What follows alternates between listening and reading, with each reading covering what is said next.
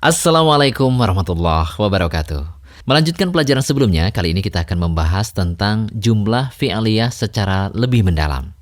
Jumlah fi'aliyah adalah sebuah kalimat yang diawali oleh fi'il pada susunan kalimatnya. Dari sisi keterkaitan dengan objek, fi'il dibagi menjadi dua, fi'il lazim dan fi'il muta'addi. Karena itu, pola jumlah fi'aliyah juga ada dua. Untuk pola kalimat fi'il lazim, yaitu fi'il diikuti fa'il, di mana fi'il adalah predikat dan fa'il adalah subjek.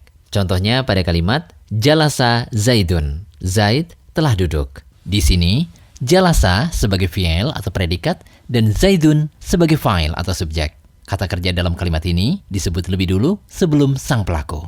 Kemudian untuk pola kalimat fi'il muta'addi adalah fi'il diikuti fa'il, kemudian ditambah dengan maf'ul bih, di mana fi'il adalah predikat, fa'il adalah subjek, dan maf'ul bih adalah objek. Contohnya pada kalimat yaqra'u Zaidun al-Qur'ana. Zaid sedang membaca Al-Qur'an. Yaqra'u sebagai fi'il atau predikat, Zaidun sebagai fa'il atau subjek. Kemudian diikuti oleh Al-Qur'ana sebagai maf'ul bih atau objek. Kata untuk fa'il dan maf'ul bih bisa diambil dari jenis isim yang sesuai dengan konteks pembicaraan. Pada kesempatan kali ini, kita awali dengan pembahasan pola kalimat fi'il lazim terlebih dahulu. Fi'il lazim adalah fi'il yang tidak butuh objek atau maf'ul bih. Oleh karena itu, dalam menyusun kalimat menggunakan fi'il lazim, kita cukup menyebut fi'il atau predikat saja. Lalu diikuti oleh fa'il atau subjeknya. Contohnya, qama Zaidun. Zaid telah berdiri. Yaqumu Zaidun. Zaid sedang berdiri. Kaidah yang berlaku untuk jumlah fi'liyah dengan pola fi'il lazim adalah Fi'il harus sesuai jenisnya dengan fa'il. Bila fa'ilnya mudakar, maka fi'ilnya wajib mudakar. Sebaliknya, jika fa'ilnya mu'annath, maka fi'ilnya wajib mu'annath. Contohnya, Zahaba Zaidun. Polanya demikian karena subjeknya adalah Zaid atau mudakar. Apabila subjeknya adalah Zainab, mu'annath, maka menjadi Zahabat Zainabu. Kemudian, fi'il harus dalam bentuk mufrad. Contohnya, Dhahabat talibu. Dhahabat talibani. Dhahabat tullabu. Perhatikan, sekalipun filenya ada yang bentuknya mufrad, muthanna maupun jamak, fi'il yang digunakan tetap dhahaba. Selanjutnya, file harus dalam keadaan rofa atau marfu. Rofa adalah salah satu keadaan kata dalam sebuah kalimat. Berikut ini penjelasan tentang kaidah rofa. Untuk kata yang termasuk jenis mufrad, keadaannya ketika rofa adalah doma. Contohnya, dhahabab polibu. Dibaca demikian karena ketika rofa, keadaannya adalah doma, bukan fathah seperti dhahabab poliba. Ataupun kasroh seperti dhahabat polibi. Untuk kata yang termasuk jenis muthanna, keadaannya ketika rofa adalah alif. Contohnya pada kalimat dhahabab polibani. Jadi ketika rofa dibaca dengan alif bukan ia, seperti dhahaba ini. Kemudian untuk kata yang termasuk jenis jamak mudhakar salim, keadaannya ketika rofa adalah wawu. Contohnya pada kalimat dhahaba talibuna. Jadi ketika rofa dibaca dengan wawu, bukan ya seperti dhahaba talibina. Kemudian untuk kata yang termasuk jenis jamak mu'anas salim, keadaannya ketika rofa adalah domah. Contohnya pada kalimat dhahabatit talibatu. Ketika rofa dibaca domah, bukan fathah atau kasroh seperti dahabatit talibati atau dahabatit talibata. Selanjutnya untuk kata yang termasuk jenis jamak taksir. Keadaannya ketika rofa adalah domah. Contohnya pada kalimat dhahabat tullabu. Ketika rofa dibaca domah, bukan fathah atau kasroh seperti dhahabat tullaba atau zahabat tullabi. Selanjutnya untuk kata yang termasuk jenis isim yang lima. Keadaannya ketika rofa adalah wawu. Contohnya pada kalimat zahaba abuka. Ketika rofa dibaca wawu, bukan alif atau ya menjadi zahaba abaka atau zahaba abika. Untuk memudahkan menghafal tiga kaidah jumlah fi'aliyah dengan pola fi'il lazim, kita bisa menggunakan rumus sakti berikut.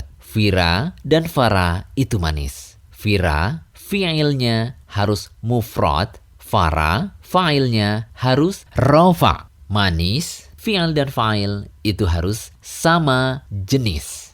Agar kita lebih memahami pola kalimat fi'il lazim, mari kita lihat contoh fi'il lazim untuk file jenis mufrad, kemudian mutana dan jamak. File yang mufrad. Perhatikan tabel berikut. Jalasat Fatimatu. Jalasa Aliyun. Namat Hindun. Nama Zaidun. La'ibat al-bintu. La'ibal waladu. Semua file dalam contoh tersebut berharokat domah atau domatain. Ini dikarenakan file itu wajib rofa dan tanda asli rofa adalah domah. Isi mufrad termasuk kata yang ketika rofa wajib berharokat domah. Kemudian file yang mutanna. Perhatikan contoh pada tabel berikut. Ja'at al-ustadzatani. Ja'al ustadzani. Tajlisut tabibatani. Yajlisut tabibani. Salat al-muslimatani. Shallal muslimani. Dalam kaidah telah disebutkan, sekalipun fa'il yang mutanna, fi'ilnya harus tetap mufrad.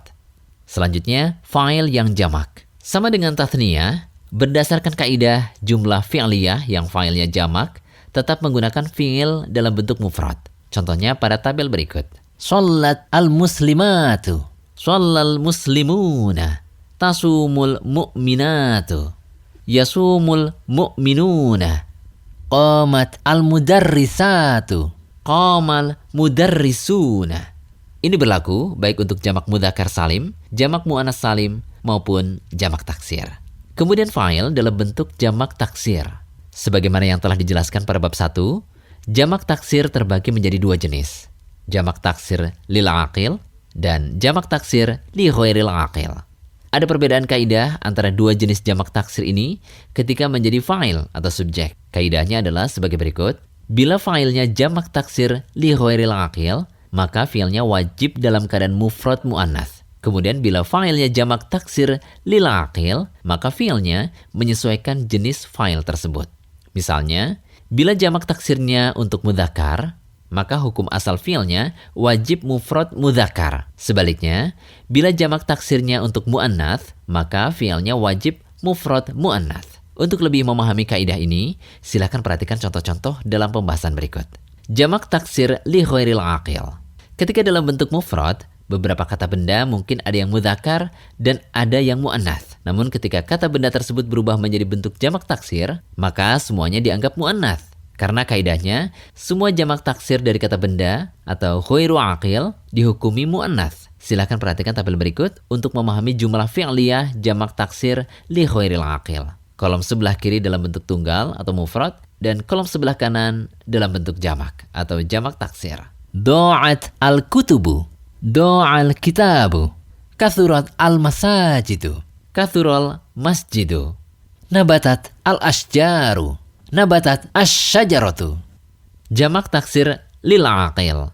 Berbeda dengan jamak taksir li aqil yang semuanya dihukumi muannats, jamak taksir lil aqil ada yang dihukumi mudzakkar dan ada yang dihukumi muannats tergantung apakah kata tersebut digunakan untuk laki-laki atau wanita. Lihat tabel berikut ini untuk memahami jumlah fi'liyah dengan file jamak taksir lil aqil baik untuk mudzakkar maupun muannats.